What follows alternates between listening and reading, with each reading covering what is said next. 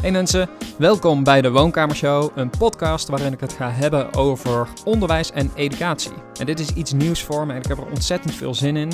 De Woonkamershow is een podcast waarin ik bij mensen op bezoek wil gaan in hun woonkamer en daar wil gaan spreken over educatie en onderwijs. En ik heb in de laatste jaren ontzettend veel leuke mensen ontmoet in het onderwijs die bijzondere dingen doen. En ik dacht dat het misschien leuk is om dit met jullie te gaan delen. Daarbij zou je misschien snel denken aan docenten, maar er zijn natuurlijk ook andere interessante mensen die bezig zijn met onderwijs, zoals bijvoorbeeld schoolleiders of IT'ers, onderzoekers, filmmakers en ga zo maar door. En veel van deze mensen zijn veel meer getalenteerd dan ik en graag wil ik van hun leren. En dan dacht ik dat het misschien interessant is om ook dit met jullie te gaan delen via de podcast. Ik ben overigens Robert van Empel en een aantal jaar geleden begon ik als leraar geschiedenis bij Teilingen College.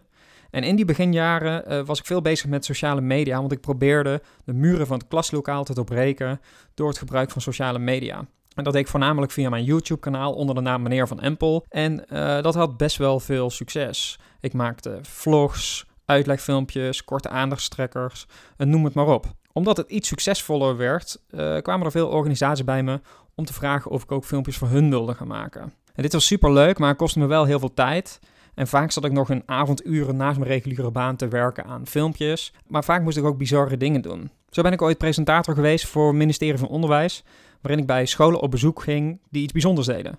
En samen met iemand die teksten met me doornam aan een cameraman, gingen we daarbij op pad. En die bezoeken waren super leuk en de mensen die ik ontmoette waren heel interessant. Uh, maar ik werd een beetje beperkt door de setup. Ik kan me daarbij nog een keer herinneren dat ik een keer op een leuning van de brug moest zitten en een intro moest inspreken, waarbij de tekst niet mocht afwijken van het script, wat echt veel moeilijker is dan je in eerste instantie zou denken. En um, nou zat ik daar op de leuning van de brug en uh, ik weet nog dat ik daarbij moest balanceren op die leuning om niet in het water te vallen, wat ongeveer twee meter onder mij zat. Op zich lijkt het niet zo heel moeilijk, maar ik had nog een extra probleem. Dat was dat ik een uh, camera, een vlogcamera in mijn rechterhand had, die ik op mezelf moest richten. En ondertussen had ik in mijn linkerhand had ik nog een microfoon in mijn handen. En die microfoon die was aangesloten op de camera van de cameraman.